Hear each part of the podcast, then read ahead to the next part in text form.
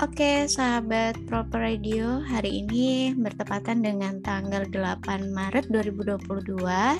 Uh, kita memperingati sebuah momen yang sangat bersejarah gitu ya. Kalau misalnya kita bicara soal perempuan karena hari ini setiap tanggal 8 Maret kita akan memperingati Hari Perempuan Internasional atau International Women's Day gitu. Dan um, tahun ini cukup menarik gitu karena memang masih suasana pandemi kemudian di tahun ini juga uh, topik yang kita terima gitu ya dari WHO ini adalah tentang gender equality today for a sustainable tomorrow gitu. Dan masih bersama dengan saya Yunila Sari dan juga Sulindra Dewi. Nanti kita akan banyak membahas terkait dengan topik yang kali ini kita akan sampaikan. Nah, untuk memulai um, obrolan kita hari ini, kayaknya kita lebih seru membahas sejarahnya dulu gitu ya, Miss Uli ya. Mungkin ya, kita betul. ngobrolin dulu apa sih sebenarnya uh, International Women's Day ini gitu. Iya, uh, sebenarnya ini kan sudah lama ya, uh, ini kan diawali dengan pergerakan-pergerakan perempuan, tapi masih bersifat sporadis gitu. Hmm. Kayak di Amerika protes terhadap uh, kebijakan pemerintah, kemudian di di Eropa dan semuanya itu uh, kebanyakan dilakukan oleh perempuan dan akhirnya hmm. tahun uh, 1975 hmm. uh, PBB menetapkan nih akhirnya 8 Maret sebagai Hari uh, Perempuan Internasional atau International Women's Day.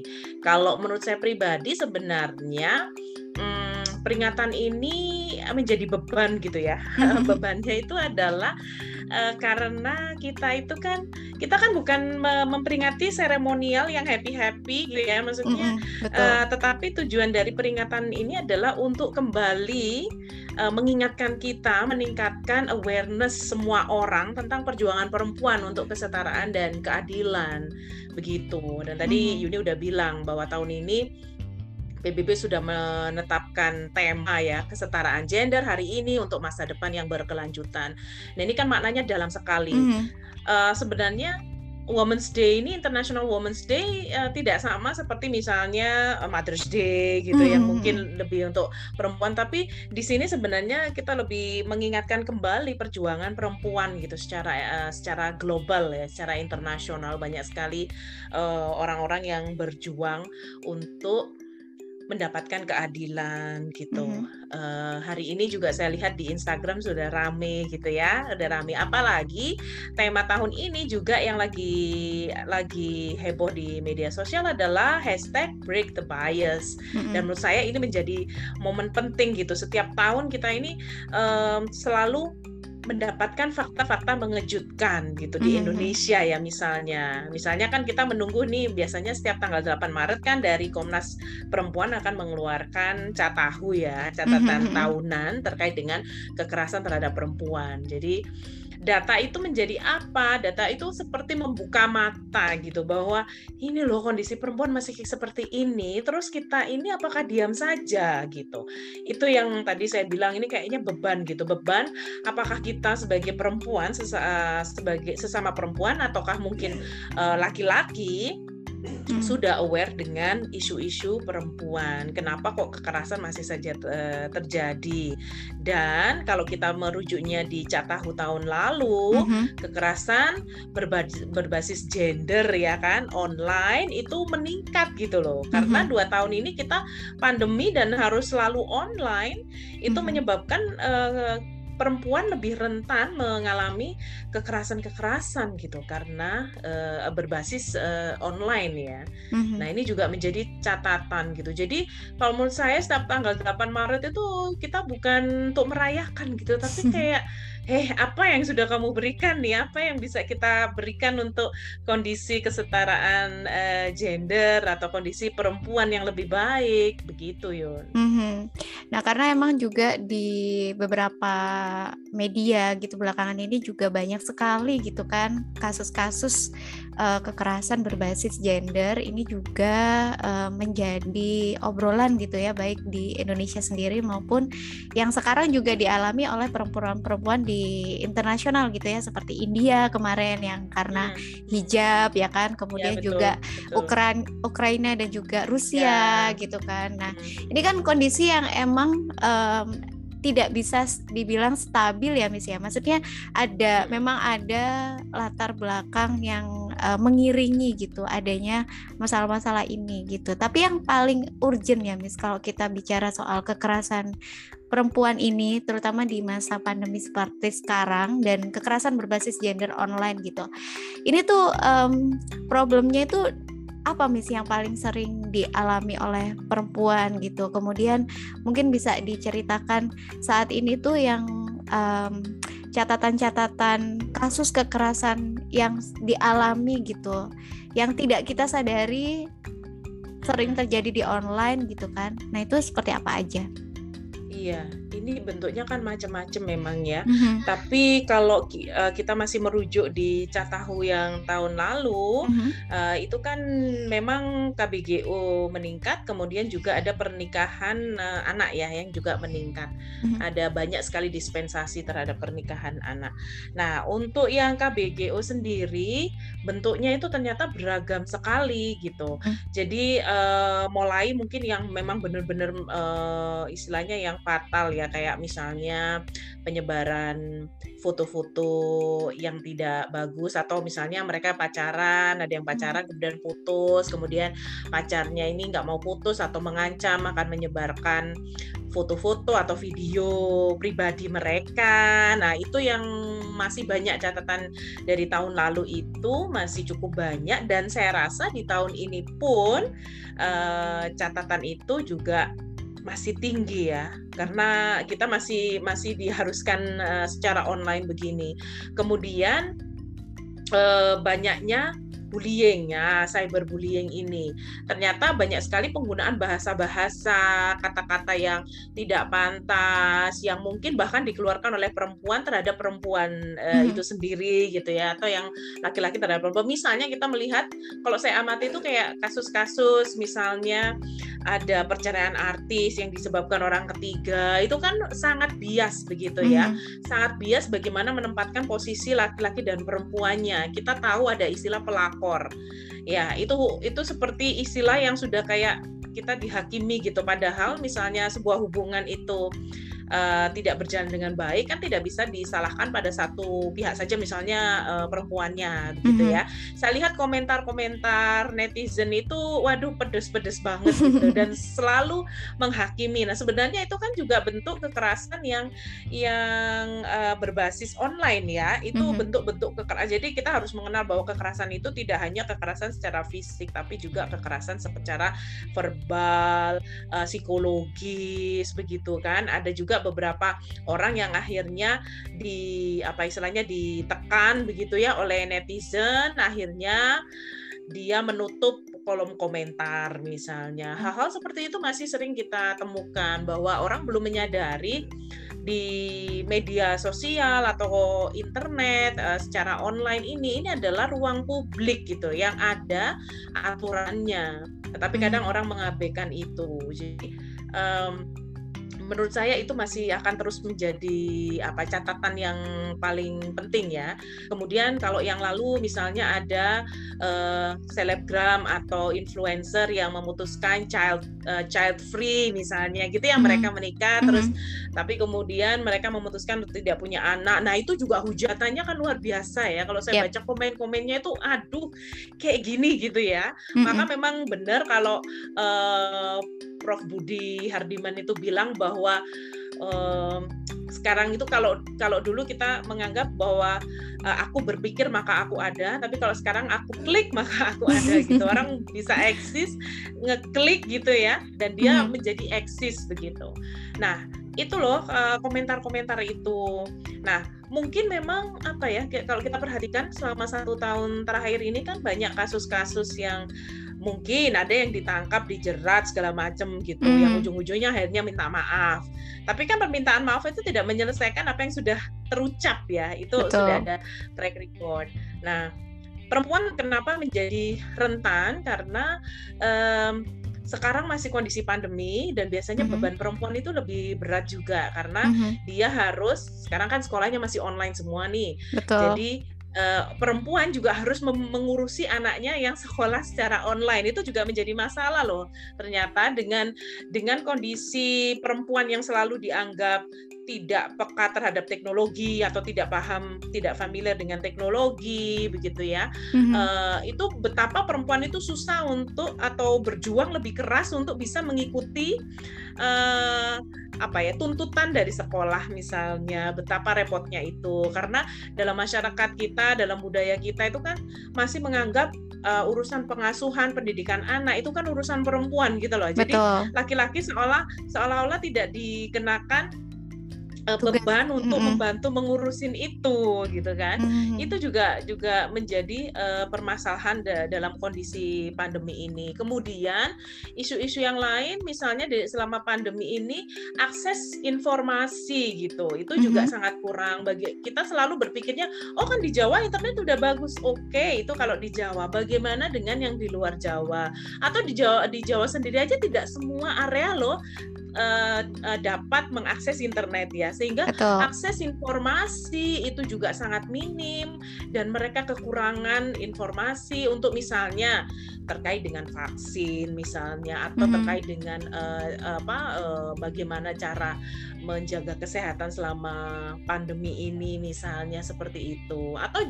justru juga selama ini pemerintah juga tidak memperhatikan atau belum ada penelitian yang berfokus pada kira-kira perempuan ini kan bermacam-macam dan kulturnya beda-beda.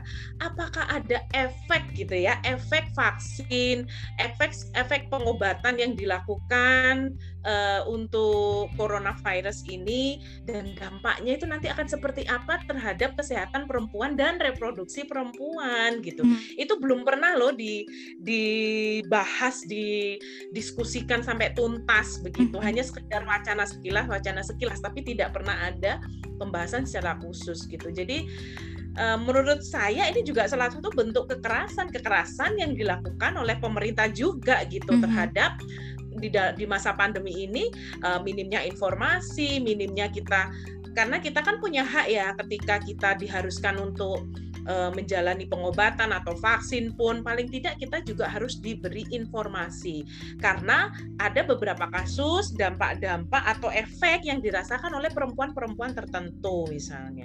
Nah, hmm. apakah itu sudah jelas sehingga kita ketika menentukan oke okay, saya divaksin, saya harus menjalankan pengobatan ini, itu kita sudah aware dengan resikonya. Nah, yeah. ini juga menjadi catatan penting menurut saya yang harus menjadi awareness kita bersama gitu ya. Mm-hmm.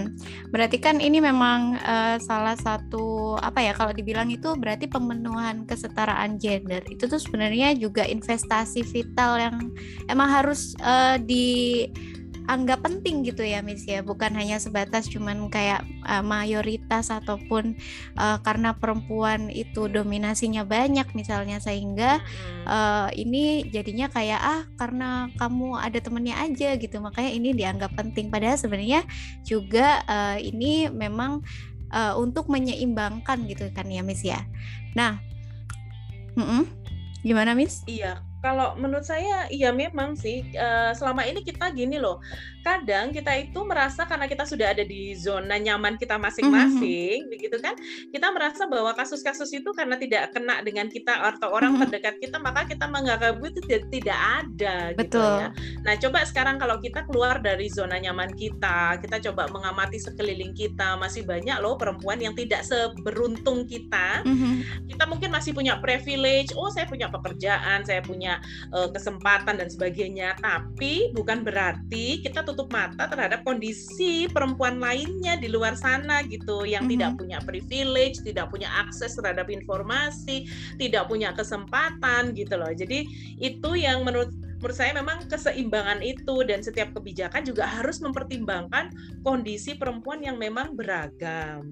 Mm-hmm. Nah, dengan tema yang tahun ini yakni kesetaraan gender hari ini ya untuk masa depan yang berkelanjutan, sebenarnya ini menjadi poin penting bahwa kalau hari ini kita bisa mewujudkan kesetaraan gender, mengupayakan kesetaraan gender, maka sebenarnya ini itu tadi kamu bilang investasi jangka panjang mm-hmm. gitu kan. Mm-hmm. Kita mungkin tidak bisa memetik hasilnya dalam waktu singkat, tetapi yep. ini adalah investasi jangka panjang yang layak untuk dilakukan.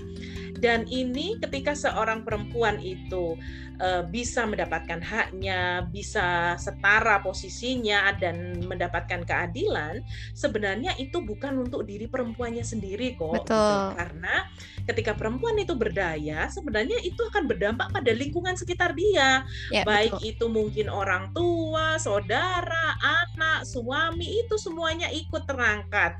Sehingga ketika kondisi kesetaraan gender sudah tercapai, maka itu itu terus mengangkat semuanya dan untuk perkembangan atau pembangunan yang berkelanjutan di masa depan gitu. Jadi nggak bisa kita abaikan karena uh, seolah-olah masalah kesetaraan gender ya sudahlah itu urusan perempuan mm -hmm. itu kan nanti perempuan sendiri yang mencari cara nggak bisa seperti itu juga kan ya. Betul, karena memang kalau dari survei ya Miss ya yang saya tahu juga gitu, nggak semua perempuan itu juga sebenarnya paham gitu bahwa dirinya itu saat ini tuh um, sedang yang mengalami ketidaksetaraan gender gitu. Atau bisa jadi kayak misalnya ketika kita bicara KBGO sendiri gitu kan.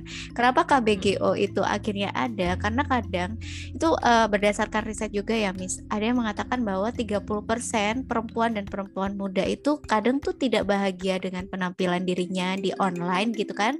Seperti yang diharapkan mungkin ya oleh sekitarnya. Kemudian akhirnya ini membawa dampak dan uh, timbul yang namanya uh, ini ya apa namanya kurangnya privasi gitu sehingga banyak banget kasus-kasus kekerasan yang menimpa perempuan kayak misalnya tadi bullying kemudian ada juga hmm. uh, kehilangan data di internet gitu kan ya, atau penyalahgunaan betul. gitu karena awalnya memang dari perempuan juga yang kadang uh, tidak aware dengan itu gitu jadi memang dari perempuan maupun laki-laki atau antar gender ya Miss ini juga harus bisa saling peduli gitu ya Miss ya.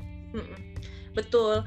Uh, tapi kita juga harus lihat peran media massa ya. Mm-hmm. Image kecantikan yang kita lihat setiap tahun itu kan mm-hmm. setiap saat di media massa itu kan sudah dikonstruksi ya. Yep, Sehingga terinternalisasi gitu loh ya. Udah masuk bawah sadar bahwa cantik itu harus begini begini begini. Bahwa di media sosial itu orang bisa jadi apa saja loh gitu. Itu kan mm-hmm. karena tampilan-tampilan dari iklan, media massa menampilkan sosok perempuan yang ideal seperti ini seperti ini sehingga uh, perempuan itu sudah terpengaruh dari sejak kecil misalnya nontonnya iklan kalau perempuan cantik itu harus kulit putih misalnya maka dia akan ber, berusaha untuk bisa menjadi seperti standar kecantikan yang ditampilkan oleh media massa gitu jadi hmm. ini juga uh, masalahnya juga saling terkait memang itu dari perempuannya tetapi ingat perempuan itu kalau um, Simone de Beauvoir uh, bilang bahwa one perempuan itu one is not not born but made a woman artinya mm -hmm. bahwa perempuan itu sebenarnya tidak dilahirkan sebagai menjadi perempuan, perempuan tapi masyarakat ya. iya tapi menjadi gitu ya bukan yeah. lahir terlahir perempuan begitu saja tapi menjadikan dia perempuan karena standar-standar mm -hmm. sekitarnya itu yang membuat dia harus jadi perempuan yang begini yang begini begini gitu jadi yeah. itu juga harus kita perhatikan bahwa budaya media massa itu juga sangat berpengaruh terhadap persepsi perempuan itu sendiri sehingga memang edukasi menjadi penting baik itu mm -hmm. untuk perempuan maupun juga untuk uh, support system yang lain misalnya keluarga atau laki-laki lah ya itu jadi supaya saling support system itu juga bisa dari media massa ketika media massa menampilkan uh, tidak bias nah kita berbicara break the bias mm -hmm. bahwa kita melihat di media massa kita banyak sekali hal-hal yang bias gitu ya mm -hmm. uh, bagaimana iklan menampilkan perempuan bagaimana media massa. Kemudian sekarang kalau kita berbicara balik lagi ke dunia online saya melihat yep banyak sekali selebgram, uh, influencer yang juga menampilkan realita-realita yang semu gitu loh ya. Betul. Nah ini juga berbahaya uh, karena perempuan akan melihat, oh iya ya seperti itu ya standarnya. Padahal kita kan tidak tahu mungkin dia sudah perawatannya sudah bertahun-tahun mm -hmm. berapa banyak yang dia keluarkan misalnya seperti itu. Atau misalnya banyak juga yang menjual mimpi begitu ya bahwa uh, bisa menjadi selebgram dan bisa di endorse mendatangkan uang itu kan akhirnya memunculkan uh, keinginan perempuan juga untuk bisa uh, bergaya hidup mewah. Kalau yang saya soroti sih dari selebriti-selebriti ataupun selebgram ini kan mereka memamerkan kehidupan yang glamor begitu. Yep. Padahal kita tahu tidak semua loh bisa seperti itu. Hmm. Nah, bagaimana dengan mereka-mereka yang apa ya belum dewasa dalam menyikapi dan tidak menyadari bagaimana bahwa uh, social media it's fake gitu ya, mm-hmm. bukan bukan reality. Sehingga mereka akhirnya berusaha ber ya nggak tahu ya dengan caranya bagaimana supaya bisa mengikuti standar-standar tersebut. Mm-hmm. Nah itu mm-hmm. juga uh, banyak ya ternyata kalau kita ngomongin perempuan isunya. Betul, betul banget. Nah, makanya kita uh, mungkin juga akan fokus juga ya Miss ya terkait dengan tema kita gitu kan. Untuk tahun ini kan adalah Gender Equality Today for a Sustainable Tomorrow gitu kan. Karena emang dari PBB sendiri sudah mengkaji gitu kan bahwa ada peluang terus juga kendala juga untuk gimana sih sebenarnya pemberdayaan perempuan dan anak maupun perempuan ini ya untuk bisa memiliki suara gitu nggak kayak yang ta kayak tadi gitu mis yang hanya bias gitu kan tapi juga punya suara dan bisa jadi pemain yang setara gitu dalam pengambilan keputusan bahkan dalam hal-hal yang berkaitan dengan uh, masa depan seperti misalnya pembangunan berkelanjutan dan kesetaraan hmm. gender dan pasti kan tanpa kesetaraan gender juga masa depan yang berkelanjutan atau masa depan yang setara itu juga di luar jangkauan gitu ya kayak ya, kayak betul, aduh betul. apa sih itu hmm. gitu. Nah, uh, uh, gimana sih Miss caranya mungkin ya uh, untuk menjadi seorang perempuan yang pintar yang uh, bisa gitu memberikan kesetaraan atau mungkin bisa paham gitu masa depan yang berkelanjutan ini seperti apa gitu. Iya, kalau menurut saya memang ada tentunya dari internal perempuan, tapi juga dari luar gitu ya. Mm-hmm. Uh, kita berbicara ini tentang sustainable development, semuanya mm-hmm. kan arahnya sekarang ke sustainable development begitu. Kemudian uh, sebagai perempuan, bagaimana sih kita supaya berdaya? Sebenarnya memang um, kita perempuan itu lebih banyak pola asuh kita itu kan selalu uh, silence ya kita hmm. itu selalu dididik untuk diam ya kan coba hmm. kalau waktu ketika kita uh, kecil gitu kalau kita yang perempuan ngomong, udah kamu perempuan nggak usah ikut ngomong. Nah itu kan sering ya dalam keluarga kita menemui itu. Kemudian ketika uh, menjadi pemimpin di sekolah pun kebanyakan laki-laki yang tampil maju. Sehingga memang pola asuh perempuan kita ini dididiknya itu selalu harus perempuan itu nggak boleh ngomongnya kenceng-kenceng, hmm. perempuan itu harus lemah lembut, perempuan itu nggak boleh banyak protes, manut, kepak patuh, kan begitu-begitu. Hmm. Itu yang harus kita break break gitu ya bahwa kita harus membiarkan perempuan bersuara gitu. Seperti proper radio ini kan ingin memberikan kesempatan perempuan supaya bersuara. Karena semakin banyak suara perempuan yang terdengar, maka sebenarnya isu perempuan itu akan lebih banyak diangkat gitu loh, didengar gitu. Tidak masalah kita berbicara, oh dia nggak pandai berbicara atau kualitas bicara, enggak, enggak masalah itu. Kita memberikan kesempatan bagi perempuan untuk mau berbicara gitu ya. Jadi kita sebenarnya bisa memulainya dari lingkup kecil ya nih keluarga karena menurut saya hmm. saya masih percaya keluarga itu menjadi uh, support system pertama dan di mana di situ pembentukan karakter seseorang kan. Kemudian bagaimana kondisi kesetaraan gender yang pertama itu kan di dalam keluarga. Maka hmm. kita harus bisa memulainya di dalam keluarga membiarkan anak perempuan kita berpendapat, bersuara, mengambil keputusan, hal-hal seperti itu. Dari yang sangat sederhana misalnya anak kita mau pilih baju. Ya nggak apa-apa dia pilih sendiri. Mungkin bajunya kurang match apa-apa. Nggak apa-apa dia mm-hmm. bisa menentukan uh, mengambil keputusan untuk hal-hal kecil. Itu belajarnya dari situ dulu begitu. Bahwa setiap anak laki-laki atau perempuan berhak untuk bersuara berpendapat dan mengambil keputusannya sendiri. Nah kemudian dalam skop yang lebih luas lagi di lingkungan, kalau saya pribadi saya uh, bukan apa ya saya untuk urusan politik misalnya saya akan memilih pemimpin-pemimpin perempuan meskipun mungkin saya nggak kenal dia nggak tahu kualitasnya tapi bagi saya saya akan memberikan suara saya pada perempuan supaya apa ya supaya perempuan bisa punya suara dan suara itu bisa didengar meskipun mm -hmm. mungkin dampaknya dampaknya tidak terlalu signifikan, tetapi menurut saya perempuan supporting woman support woman itu menjadi penting gitu ya. Jadi mm-hmm. uh, kalau sekarang saya akan lebih memilih itu uh, urusan politik, maka saya akan memberikan suara saya pada uh, calon yang perempuan begitu. Mm-hmm. Nah, support system juga penting ya di di kebijakan-kebijakan pemerintah yang menurut saya masih belum uh, berperspektif gender meskipun sudah ada istilah gender mainstreaming dan sebagainya tapi kita belum bisa atau belum merasakan dampaknya secara langsung. Kenapa? Hmm. karena pelakunya di bawah itu semuanya laki-laki atau kalau toh pun perempuan tapi perempuan yang uh, patriarki atau ideologi patriarki sudah terinternalisasi gitu di dalam dirinya sehingga sudut pandangnya selalu sudut pandang patriarki gitu. Jadi itu juga menjadi uh, problem tersendiri sehingga memang edukasi sosialisasi nggak boleh berhenti terus harus dilakukan begitu. Oke, ini luar biasa sih ya, karena memang dari uh, lingkungan yang kecil gitu ya, kadang tuh kita bisa merubah sesuatu yang mungkin dampaknya tuh besar sekali gitu kan. Dan berarti memang harus ada kepercayaan diri ya dari perempuan itu sendiri, mis dipupuk dari kecil ya, gitu. Betul, betul. Mm -mm. Ya memang sih nggak nggak gampang ya untuk kita kadang kita juga merasa, aduh aku kok nggak pede ya gitu mm. melihat.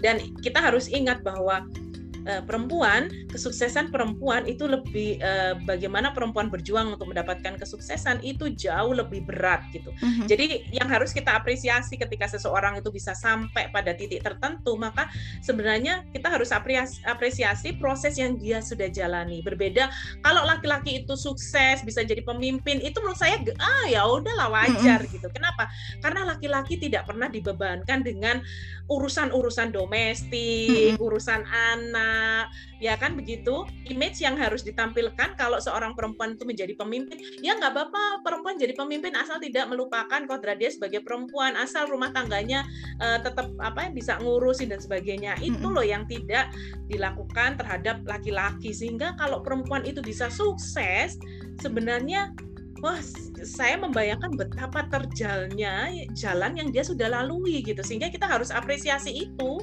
Bukan kita ngomongin tentang hasilnya kualitasnya tapi proses yang dia sudah lalui loh. Nggak gampang gitu ya. Jadi hmm. itu yang harus kita apresiasi. Bukan saya me menisbikan uh, kesuksesan laki-laki enggak tapi bagi saya perempuan yang bisa sukses uh, menjalani uh, karirnya impiannya misalnya dan menjalani keputusannya itu pasti sudah melalui proses yang panjang gitu dan berliku. Oke. Okay. Kita harus apresiasi itu sih. Siap. Nah, karena memang ini juga untuk refleksi kita sebagai perempuan gitu ya, bahwa sebenarnya di dunia ini tuh kita nggak sendirian gitu sebagai perempuan ya, Miss ya. Betul, betul. Banyak sekali perempuan yang juga peduli gitu kan, yang di luar sana juga sama-sama berjuang gitu untuk uh, kesetaraan kita dan kita semuanya selalu bermimpi gitu bahwa suatu hari nanti kita juga bukan sama sih ya dengan laki-laki ya misalnya yang kita minta itu bukan sama gitu tapi bagaimana uh, kita semua ini bisa saling berdampingan gitu ya mis bisa tahu iya, perannya masing-masing ya, gitu dan ini karena ya hmm. beda ya antara keadilan sama ya kesetaraan kita kan tidak menuntut sama hak yang iya. sama ya. gitu kan tidak tetapi kita masing-masing punya kebutuhan. Nah, kebutuhan itu bagaimana kita bisa mendapatkan uh, pemenuhan kebutuhan itu dengan sesuai dengan kebutuhan kita gitu loh. Caranya hmm. berbeda boleh. Jadi kalau laki-laki dapat satu, perempuan satu itu enggak belum tentu adil gitu. Hmm. Tapi kalau masing-masing kita mendapatkan sesuatu yang sesuai dengan porsi kita dan kebutuhan kita, maka hmm. menurut saya itu adil gitu. Yep. Nah, itu yang mungkin persepsinya harus di, disamakan gitu. Kita tidak tidak berusaha untuk me, pingin melampaui laki-laki, pingin mengalahkan laki-laki, atau mungkin lebih parah lagi memusuhi laki-laki, yep. enggak ya? kita nggak membenci ya, Miss ya?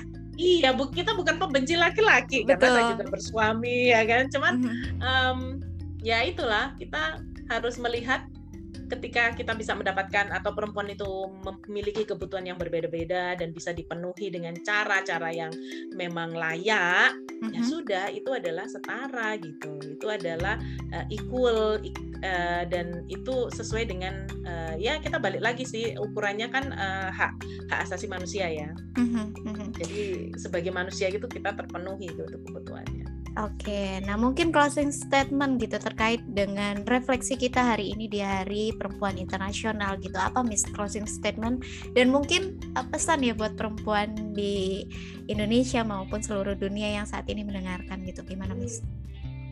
Iya, uh, saya sangat uh, senang dengan hashtag break the bias itu ya, karena seperti kita me, me, apa mengingatkan kembali. Jadi menurut saya uh, kita harus berpartisipasi. Perempuan harus mulai berani bersuara itu. Kenapa? Karena kalau kita bersuara, kita memberikan uh, suara kita atau ide-ide gagasan kita itu lebih banyak terdengar, hmm. maka itu bisa mematahkan bias-bias yang ada di masyarakat kita, gitu kan?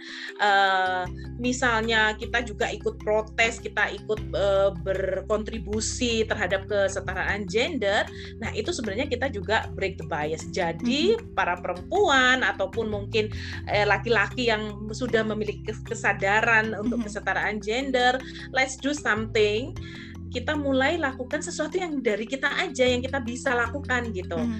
Kalau kita sebagai ibu, maka bagaimana kita mengajarkan kesetaraan gender itu pada anak-anak kita? Hmm. Bagaimana kita memberikan pemahaman kepada pasangan kita gitu. Kalau uh, misalnya saya sebagai dosen, maka bagaimana saya memposisikan uh, diri saya apa yang bisa saya berikan terhadap untuk kesetaraan gender sehingga bias-bias itu juga semakin diminimalisir.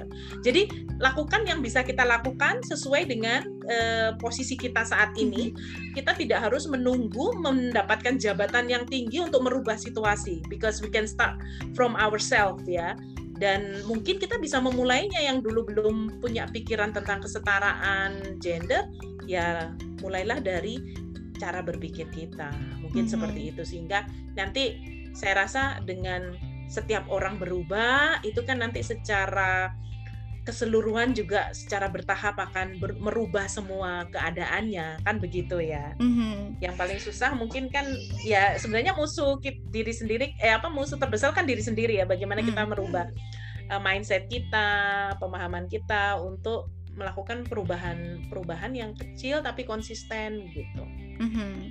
Oke, berarti ya memang kita sebagai manusia tuh juga harus punya rasa percaya gitu terhadap sesama gender yang lain gitu ya bahwa uh, kita tuh semua punya peran gitu. Kita nggak di sini tuh nggak cuma diam gitu. Perempuan juga harus punya perannya masing-masing dan begitupun laki-laki gitu. Karena kalau semua perannya ini bisa kita percayai gitu saya yakin dan percaya nggak ada sih sebenarnya namanya beban ganda ya mis orang tuh pasti akan melakukan pekerjaannya tuh dengan senang gitu karena emang udah tahu perannya masing-masing itu apa gitu dan itu luar biasa ya, sih betul. obrolan kita hari ini terkait hari pen hari perempuan internasional gitu semoga ini bisa menginspirasi para perempuan lainnya dan uh, pasti uh, perempuan di seluruh dunia juga harus tahu bahwa kita tidak sendirian sebagai perempuan Betul. gitu.